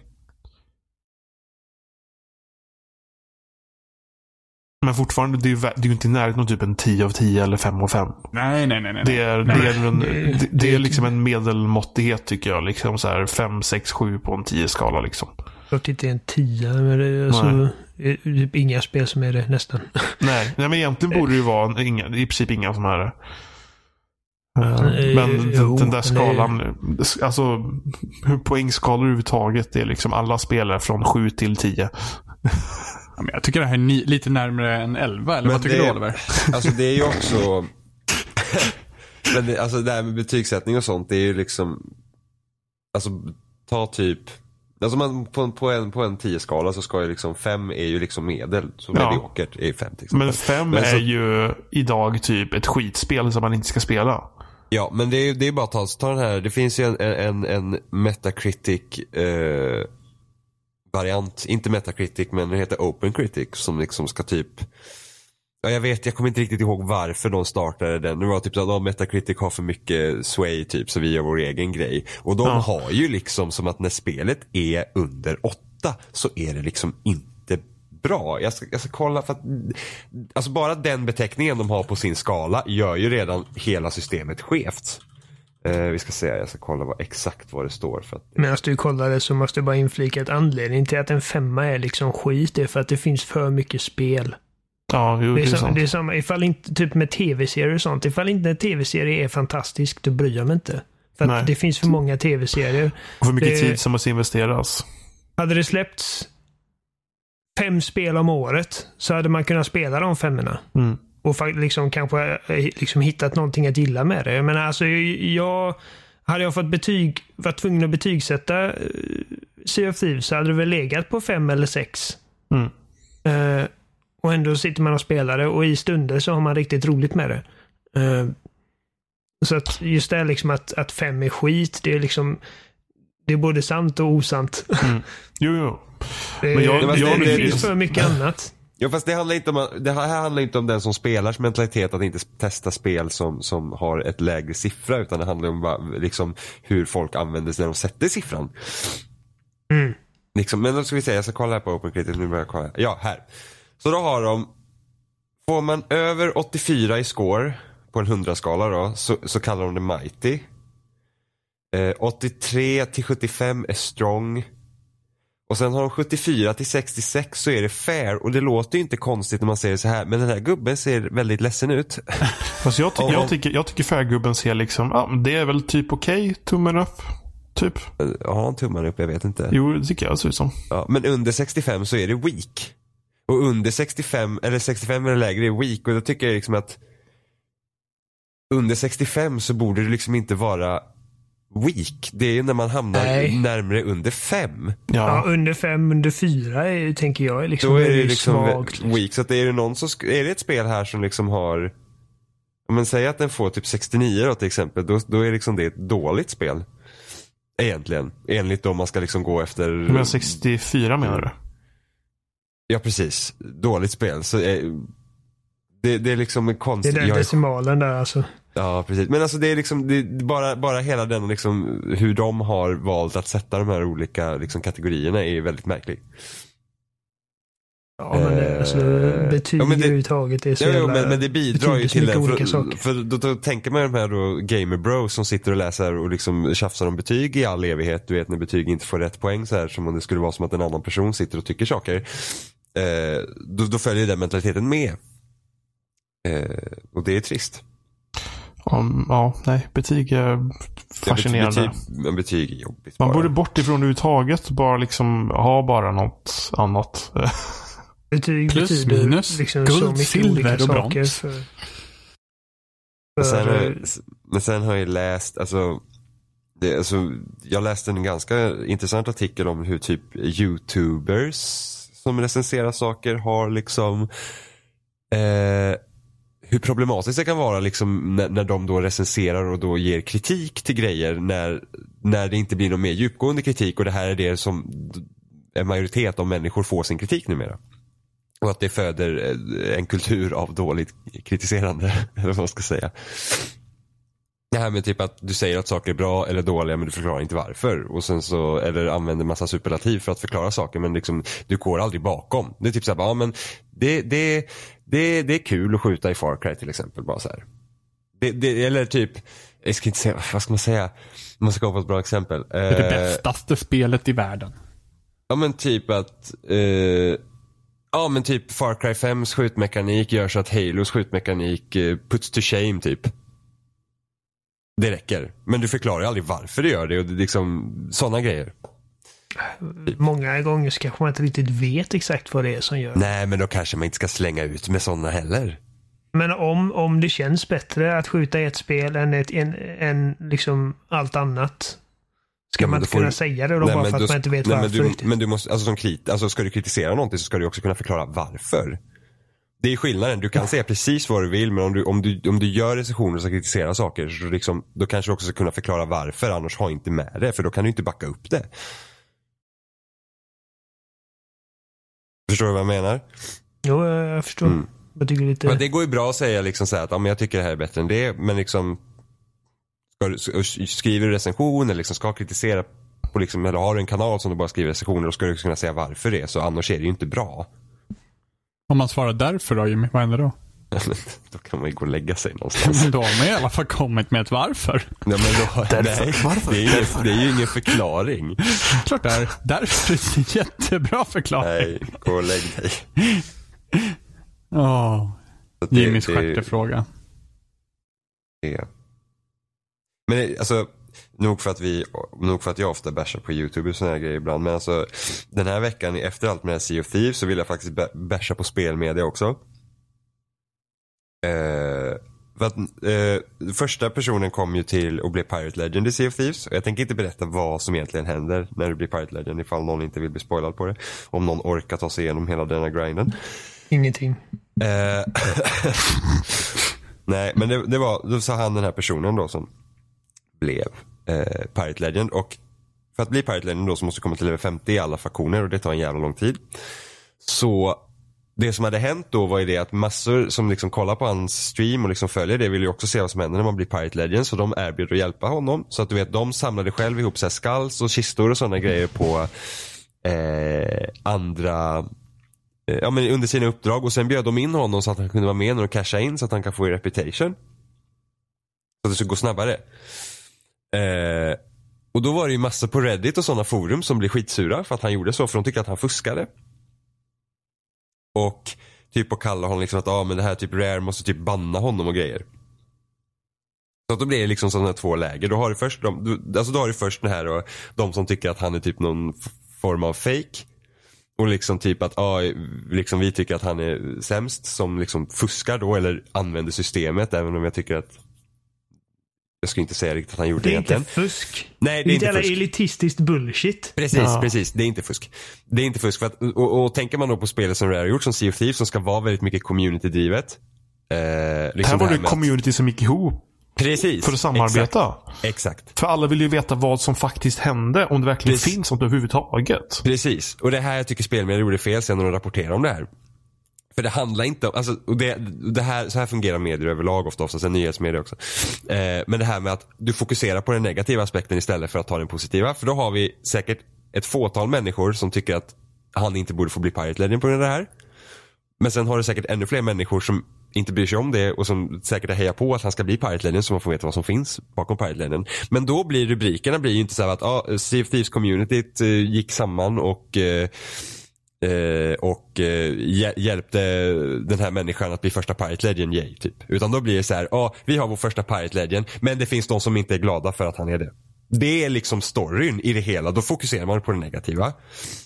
Och det är så himla tråkigt tycker jag, speciellt man tar såna här typ sådana sidor som, som tycker då att den här vad ska man säga, toxic kulturen som finns inom spel, att den ska bort. Men så väljer man ändå att fokusera på den så hårt när den egentligen borde vara irrelevant i det här fallet. Varför inte fokusera på att hej, vi hade jättemånga människor som hjälpte den här, visst är det fantastiskt att man kan göra så i spelet. Nej, då var det så att, ja, ah, han fick hjälp, de här tycker det är fusk, så vi fokuserar på den sidan av storyn istället. Jag tycker det är bara så himla tråkigt att man gör så. Det var allt jag hade att säga om det. Negativa nyheter är mer nyhetsvärda än positiva. Jag vet. Alltså det är samma sak för att det, det här är någonting som man pratar om i vanlig nyhetsrapportering också. O- Om, om något är liksom... Jag vet fasen alltså. Ja men alltså kan man inte ta ett extra varv och tänka lite vad man håller på med? För så, så här är det ju vanligt, så här är det ju i vanlig nyhetsrapportering också. Att man fokuserar ofta på det negativa och det och då, då finns det typ något som är typ så här news fatigue. Det är när man liksom blir så trött. Alltså man kan liksom inte ta man kan inte då hjälpa att världen blir bättre för att man orkar inte för man tycker att det är ingen idé för att alltid få höra negativa grejer. Men jag känner liksom här är det så att om man vill värna för ett bättre spelcommunity som inte håller att liksom folk liksom skriker slurs i chatt och liksom bara beter sig jävligt illa hela tiden. Då kanske man också ska fokusera på positiva bitar när det faktiskt är, borde vara en positiv nyhet. Och inte, det, det är som det här, kommer du ihåg han Lucia, den här pojken som var Lucia? Som fick ett jättestort drev mot sig. Ja, för att, någon, för att nyhetsrapporteringen började liksom skriva att ah, den här pojken är eh, Lucia, hatstorm på Facebook. Och då tog Thomas Arnroth som skriver på Kit, kollade ju liksom på den här Facebook-posten då. Och det var en sån liten del i den rapporteringen, alltså i, i, i de kommentarerna som var negativa. Det var en, liksom en överglänsande majoritet av positivitet. Men tack vare att nyheter då började rapportera det som hatstorm för att det ger ju då klick. Eh, Då fortsätter folk. så fortsatte folk och det blev ju så himla mycket större så de fick ju liksom, alltså, alltså det blir ju Alltså den här familjen fick utstå verkligen så typ fick hatbrev och grejer till sig. På grund av det. Och då har det ju blåst upp av media, inte av den här Facebook-posten som hade några få negativa kommentarer bland massor med positiva. Då har, då har man gjort fel. Då eldar man ju själv på det och eldar upp det där ju. Det är ju helt bakvänt. Jag blir så irriterad. Varför kan man liksom, när det ändå händer liksom dåliga saker hela tiden, varför skulle man inte kunna bara fokusera på det positiva för en gångs skull? Sen kan man väl då lägga in en notis att ja, det finns väl de som också inte tycker om det, men man behöver inte, alltså, man behöver inte vinkla storyn så att det är det det handlar om. Och sen blir det så här, så läser man folk så här, på, typ på olika forum och så kollar de och så bara, ah, så, så, så, så läser de ju upp det precis som den här från den här Reddit-posten liksom att de bara, han vet inte hur man spelar och han har inte förtjänt det och han har typ inte gjort någonting i hela spelet. Han har bara fått allt serverat för sig och blir första Pirate Legend. Det stämmer ju inte. Men det enda de får veta är vad som har stått i Reddit-posten så det är det de sprider vidare och då har man ju en hel negativ cirkel runt det. Ja, men det, Det var väl, det var, och sen, sen så var det ju det var väl inte förrän mot slutet när han faktiskt, det syntes att han verkligen kom nära som Ja, folk hjälpte till. Innan typ- dess han- har han ju spelat ja. röven av sig. Ja, han var ju typ på level, vad kan han ha varit där i slutet? Han var, alltså när jag kollade, han var på 49 när jag kollade och då hoppade han in i någon liksom sista, han till och med sa så här, han i chatten typ, ja men ska vi, ska vi göra det här Alltså ska vi göra det själva nu de här sista grejerna eller vill ni att jag kommer dit så fort som möjligt? Och chatten var ju typ såhär, ah, nej men kom dit fort som möjligt. Så då fortsatte han liksom. Så att, eh, ja men vad spelar det för roll ändå? Nej, det gör ju inte Ingen det. alls. Nej, men alltså det är liksom så Ingen här, alls. Men då, jag, jag fattar inte varför ska man då få, ah, jag blir så sur. Jag, alltså, spe, alltså medierna har ju också ett ansvar liksom. Barn. Är Alltså, ordet vi är- letar efter. Vem, vem är barn? Folk. Folk Ja, beter sig som, som barn och bryr är sig. barn. Folket som blir upprörda över att han inte gjorde allt själv. Ja. Ja. ja Barn. men liksom, Alltså, det där är ju bullshit. Alltså om folk erbjuder sig att hjälpa så att han kan komma fram snabbare efter att ha slitit liksom som ett djur. För att de Ja. är nyfikna på att se vad som händer. Alltså Ja. det Alltså, hade det är lätt en erbjudit sorts- mig att vara med också och hjälpa till eh, för Det att är ju han som, skulle komma det är fram som, som, det är som en konsumentinformation också. För jag vet att både jag och Jimmy pratade på det bland oss själva. Att det kändes som att det fanns risk att progressionen var så långsam för att det inte fanns någonting överhuvudtaget. Alltså typ noll. Jag vill till och med misstänkte att det kanske inte ens finns något Pirate Nej. Legend i spelet. Inte överhuvudtaget. För det kändes så. För det går så långsamt. Ja. Men Så alltså, det blir som en konsumentinformation att någon verkligen lyckas. Ja men liksom han fuskar inte. liksom. Och Nej, sen, absolut inte. om det var så att det inte fanns något sånt så hade det varit skitkul att se på Rare-kontoren där när, när det kommer upp en story bara den här killen är snart Pirate Legend. De bara Ja, jag, shit. jag, jag, tänkte, hur de fick panik och typ jag, följde ju såhär reset era tråden typ och de bara ah, somebody sweating at rare right now typ. Så det, började, så det kommer inte vara något där. Men sen har ju Rare sagt att de ska ju lägga till mer grejer i Pirate Legends saker sen när, om, inom tre månader skulle du lägga till. Så du ska kunna typ ha ett helt eget skepp och lite sådana grejer. Nu är det ganska bare bones där i Pirate Legend-grejen, vad man får. Alltså, jag tycker att det är tre månader, det duger inte. Alltså, spelet är ute det är, nu. ju- De- fast det de är ju får så lång tid det tar att komma dit Oliver. Jo, men alltså, överhuvudtaget. om man inte inte, fuskar. bara... De får kalla Ja. spelet vad de Ja. vill, men det här är ett early access-spel. Ja, men det här är ju det, här är ju det som är tråkigt med de spel som tjänst. Det är ju det att det är så här det ser ut. Det är jättetråkigt, det håller jag helt med om. Om, om man spelar i början så får man liksom den sämsta upplevelsen. Ja. Men om man, om man spelar det ett år senare så får man allt material. Men då har man liksom inte Ja, det- varit med på the zeitgeist. Men det är ju faktiskt, alltså, och, det, och där har vi ett problem att man kan patcha spel så lätt som man kan idag för det är så många spel som har det. Alltså, ta bara liksom, typ, till exempel The Witcher 3, som är ett jättebra spel. Men de gjorde så många UI-förändringar i det spelet och gjorde det mycket lättare att sortera items och så. så sen när jag spelade dels, eller expansionerna så, så hade de ju förbättrat så mycket som man tyckte var en riktig jävla pida i början. Så det är ju liksom det är ju liksom ett problem tycker jag också sett ur den synvinkeln. Liksom att köper du ett spel dag ett idag så, så är det liksom Det är så att ja, men alla barnsjukdomar det här spelet har, de får du leva med helt enkelt. Men köper du om ett år så förhoppningsvis är det fixat. Så typ Åh gud. Ja, Rainbow Six. Final Fantasy 15. Det har till och med Ja. fått liksom story i Vi har spelet fått som nya mellansekvenser för mig. Ja, som liksom är, är helt med i spelet. Så det är helt sjukt. Men tänk eh, liksom hur, hur stor skillnad sådana små liksom, grejer kan göra in the long run. För när du spelar Rainbow Six när det var nytt och du bara är där suger. Och sen så två år senare efter alla uppdateringar och UI-förbättringar och grejer och du bara, det här spelet är fantastiskt. Jag vet, men det är bara det att den första initiala intrycket där från mig kunde ha gjort att jag aldrig mer hade rört det. Vilket det liksom var, alltså jag hade inte köpt spelet om inte du hade tjatat på mig när det var på rea. Nej. Då hade jag aldrig spelat det. Igen. Eh, Sen dröjde och- det ytterligare ett år efter att du hade köpt det. ja. Tills du liksom gav det en ordentlig chans och insåg att, ja men fan, Oliver hade rätt. Det här spelet är fucking awesome. ja. Ja. Så tänk om ett år när du spelar Sea of Thieves igen och bara, "Åh, det här är ju typ Gud på en smörgås. Ja, jo. Men alltså, Vad typ- säger du nu Oliver? Du hade fel! Ja men det är typ så, här, men som när vi, så att, när vi spelar mycket H1Z till exempel, som numera heter Just Survive för att de vill typ glömma bort att det existerar. Eh, för vi spelar också i Early Access och då var vi med i början och de liksom skickar ut nya uppdateringar med jämna mellanrum. Men någon gång kommer man ju sluta spela. Eh, för att man liksom, ja, man, det kommer andra spel eh, och liksom man känner så att ja, men det kanske inte är tillräckligt mycket nytt här och man liksom försöker vänta något sånt. Men jag vet inte heller om jag någonsin kommer spela H1Z1 igen. Nej. Och liksom, då missar man ju egentligen på hela spelet sen. Eller typ ta No Man's Sky. Det är också ett spel som man inte, liksom, de har ju uppdaterat det men jag har inte känt liksom att jag velat hoppa in igen på min sparfil på PS4. Eh, för att spela de uppdateringarna. Och då ska det ändå vara så att nu ska det typ vara story och grejer i det har jag sett. Det är typ så 30 timmars lång kampanj. Man bara what? What happened? Så att, eh, ja. Så att det är samma sak, det, alltså förmodligen kommer ju Sea of Thieves bli samma sak för mig sen. Att jag, jag vill ju gärna att det kommer liksom någonting nytt i spelet ganska snabbt. Och det kommer ju förmodligen inte hända. Men det är så att kommer jag fortfarande spela Sea of Thieves i juni? Nej. Troligtvis inte. Kommer jag kanske hoppa in i Sea of Thieves om sex månader igen för att se vad som har hänt och typ känna att jag fortfarande är så här in the zone och har kul? Kanske inte. För att jag, det är inte så jag brukar spela. Utan det är just nu jag har kul med det och det är just nu jag spelar det.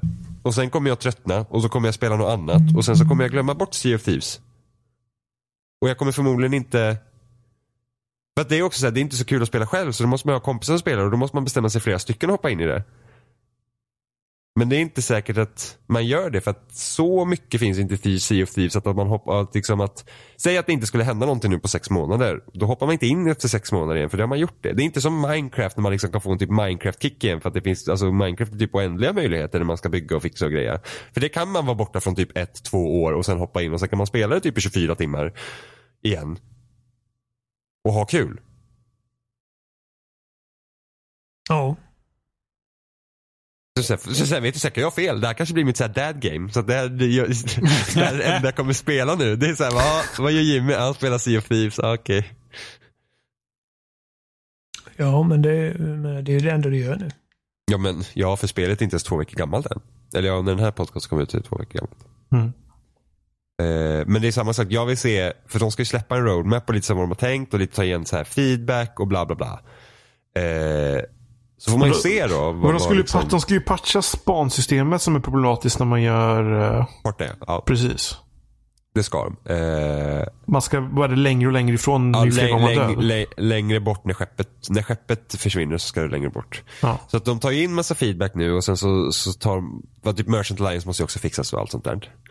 Eh, men ändå roadmap, vad tänker de lägga till? För att jag, alltså typ mer kläder till grejerna. Alltså mer kläder till gubben. Jag vill ha liksom, det finns hur mycket kläder som helst. Det ska liksom vara typ så mycket kläder så att man knappt ens, så att ingen pirat ska se den andra lik. Och princip. så att man ska låsa upp kläder överhuvudtaget med progress-systemet är bullshit. Ja, det tycker jag också är bullshit. Det borde bara vara, det är bara, sätt den att vara dyrare då. För att det, Det, är liksom alltså, så här, det är så yes, lång tid att liksom att ta sig upp i de här rankerna. Så att, Ja, men jag har en rock som jag vill ha och den får man när man är level 48 på Merchant Alliance. Ja, den tråkigaste Merchant- fraktionen. Där har vi nog alla lägst. Ja, så att det är liksom så här, ja men fine, kul att jag valde liksom fel utstyrsel att sträva efter. Eh, så att det, ja, det, det finns massa saker att fixa i Steve. Men det jag tycker alltså ändå det, det, det, är väldigt, det är väldigt kul att spela. Jag har liksom inte tråkigt, jag tycker det, det är kul. Men det är liksom, snart kommer det komma massa spel. God of War kommer i slutet av den här månaden. Mm. Eh, Owlboy släpps på, på PS4 och Xbox One nästa Ja, vecka. jag, jag, alltså, jag tror det kommer bli så att vi kommer få ta, typ, på grund av att mer spel kommer, så kommer vi ta en paus och så kanske man tar upp det senare. Så får man se om man faktiskt gör det.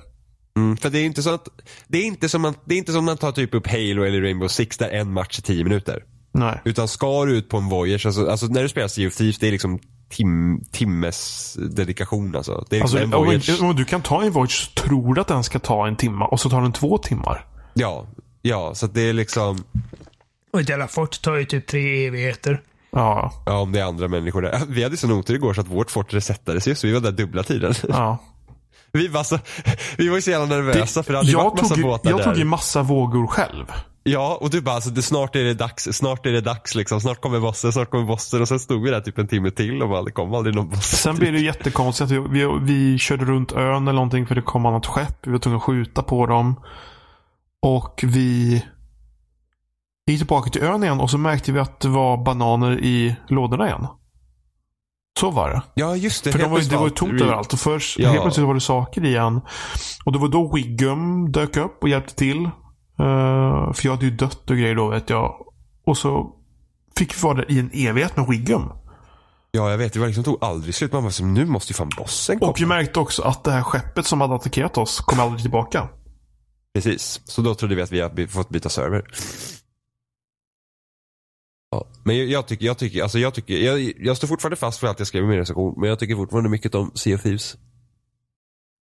Ja. Så jag, jag, jag, Börjar vill back, ju... Nu börjar jag backtracka här och jag tycker också om...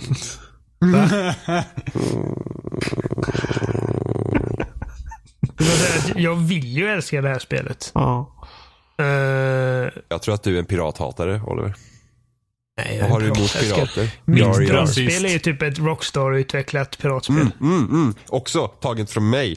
För att vet du vad när jag sa första gången att jag skulle vilja ha ett piratspel? Va? Hur ska man göra det?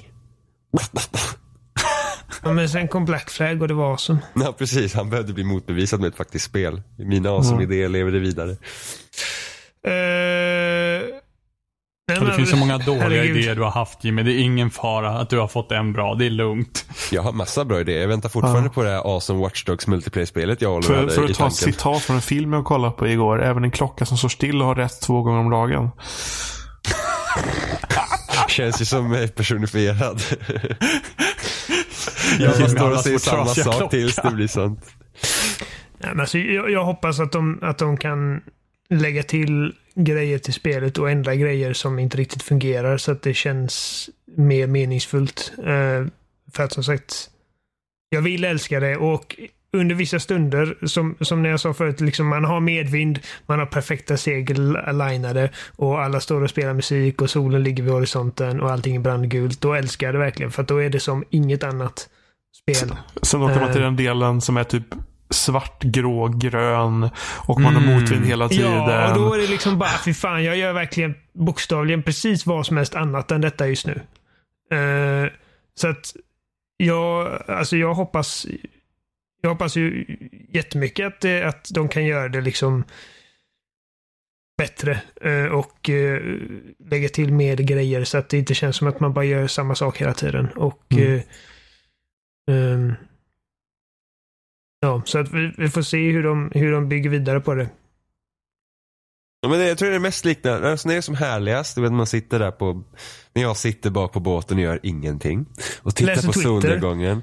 Nej, Medan vi hanterar, eh, hanterar eh, Nej, jag har redan gjort mitt jobb. Jag har, jag har sagt västerut eller söderut eller sydöst och så har Johan styrt fel och sen går jag och sätter mig någonstans. Det här är varför det behövs en plankmekanik i Och spelet. sen, och sen går jag och sätter mig någonstans. Det finns ett briggsystem. Ja, men det duger inte. Då är du fortfarande på båten.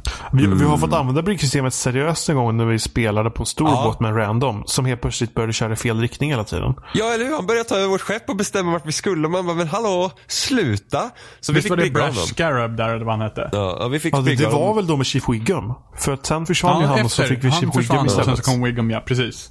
Ja. Men, men det som, det är som härligast, när man sitter där på båten och liksom bara tittar på vatten. Alltså, jag hatar ju att åka båt på riktigt, därför är det så konstigt att jag tycker om det här. Eh, man sitter där och vågorna svallar och en solnedgång och bla bla bla. Alltså det känns, alltså kommer du ihåg när vi spelade H1Z1 Robin och så var man ute med sin jävla bil som var typ livsfarlig eftersom den kunde bygga ur. Ja. Och så fyllde man typ vatten i de här jävla vattenflaskorna. Alltså absolut den tråkigaste jävla uppgiften man kan göra, men det var bara så jävla härligt. Ja, men ja. Vardagligt på något sätt. Ja, ja. Det är lite, så här, det är lite kul för jag hade lite samma så här känsla när jag spelade PubG, när jag recenserade det också. Så att liksom så här bara, nu händer absolut ingenting i hela spelet och jag sitter här bredvid min bil, bredvid det här tornet och bara vaktar och det är så här, solen går ner där borta man bara, ja det är rätt så härligt just nu. Ja, jag vill in och spela igen. Jag med. Jag, jag, alltså, planerar, jag planerar att vi ska ta oss till helt andra sidan kartan och faktiskt börja questa där. Så vi slipper den där jävla mörkerhålet. Problemet är Jimmys Quest som... de drar mig, de drar mig Ja. nu över hela världen i det är princip. lugnt, jag har quest. Men alltså, så här. Sea of Thieves är det första spelet jag tänker på när jag vaknar. När jag vaknar på morgonen så tänker jag att jag vill sätta mig och spela Sea of Thieves. Och så går jag ut med hunden och så äter jag frukost, sen sätter jag mig och spelar Sea of Thieves. Imorgon har jag skola, det är fan. Fan. Ingen Sea of Thieves alltså. Jag börjar först ett. Helvete. Nu vill Oliver också med och spela Sea of Thieves. Ja, vad kul vi ska ha. Nej, jag, sa, jag, jag, jag försökte fisa men det hände inget. nu, nu har vi, mm, ja, ja. Mm. Är det det som så här, kännetecknar slutet på podcasten? Ja, jag tror det. Jag försökte fisa men det hände inget. Jag jag har, verk, jag har verkligen spring i benen nu. Nu börjar hundarna skälla. Men jag tror faktiskt att det var allt vi hade för den här veckan. Nästa vecka blir det kanske inte lika mycket Sea of Thieves. Nej, då kommer nog börja ta om nu. Vänta bara Men- tills det kommer en ny story som är, helt mycket, som är mycket sjukare än den andra. näst, nästa vecka, vad du spelar Jimmy? Ah, jag har ju spelat Sea of Thieves. Det är så Men- mina veckor brukar vara. Ja. Men vi finns som vanligt på speksnack.com. Där hittar länkar till YouTube, Facebook, iTunes och RSS-flöden. Vi finns i podcastappar på Android och på andra podcastappar på iOS och alla möjliga ställen. Ni får gärna skriva till oss via mail. Kontakt spelsnack.com. Det är jättekul när ni skriver till oss om alla möjliga konstiga saker. Eh, Ni kan kommentera när vi dyker upp på loading. Eh, Ni kan skriva till oss på ett spelsnackpodd på Twitter och ett spelsnackpodd på Instagram. Också. Ja, ja, det måste du berätta Johan. Vi ska uppdatera vår logga. Ja, Just det. Den kommer vi pusha ut dagen innan då, det här avsnittet åker upp i alla Så fall. vi på... har uppdaterat vår logga. Ja. Ja. Precis. Oj. Så nu... Den är ute nu. I en podcast nära dig, jag höll på att säga. Eh, Ja. Och veckans fråga blir, vad tycker du om den nya loggan? ja, precis. Den är jätteful. Eller den är jättefin. Jag, gillar jag tycker att eh, den aldrig varit bättre än vad den är nu. Alltså vi har ju på samma sätt som när vi gick från vår första logga med i med ringarna runt och vi hoppade till den andra efter det så var det liksom som en finslipning. Eh, Så är den här också en finslipning på vår nya den här pratbubbel-loggan. Vad betydde i med cirkeln? Det var en väldigt vanlig logga för podcast överhuvudtaget att ha någon sorts, eh, det här i som ska se ut som en radiomast. Och sen eh, radiosignaler som åker ut då. Eh, alltså som ringar som åker ut från den. Det var en väldigt eh, vanlig ikon. Om inte Det till och med i... podcast. Ja. Det är iTunes har typ en variant av den ja. Men, Precis. Och jag kommer ihåg att Jimmy skickade, jag har kvar den någonstans, en väldigt ful typ Photoshop ihopblandad sak. då det Det var vill vi inte se. något i och så var det ett så här uh, zigzag-streck. Ljudvågor bakom. Ja, precis. Och sen så stod det spelsnack under med en enkel sans serif-font. Jag tog det och baserade det på, vi hade ju vår sida som heter Spelstil. eh, som hade någon intressant font. Jag gillar den fonten väldigt mycket. Ja, och så tog jag, jag kombinerade våra färger som jag hade på spelsni, spel, spelstil och så gjorde det mer stilrent och så gjorde det den. Så det var Jimmys idé. Jag snodde vår, så, stilen på vår egna sida och så blev det den första loggan. Fast det är väl lite som nu. Alltså den här loggan också. Alltså jag gjorde den första loggan vi hade. Sen la du, alltså den här pratbubblan. Mm. För den, la, den gjorde jag och sen la du skugga på den. Och nu har du gjort den här. Och du valde fonten. Ja okej då. För vi ville, vi, ville, vi ville byta ut fonten som vi hade den här som har den här serif-fonten. Till någon som var så tydlig som möjligt. För problematiken med våran förra då logga var att när den blir liten, som det ofta blir i olika typer av eh, profilbilder eller olika typ app, podcastappar eller så här, när den här coverarten blir liksom liten så kunde man inte läsa spel, eller spelsnack riktigt. För det blir det- litet. Och så redan YouTube-tummarna är ju svårt att se. Mm.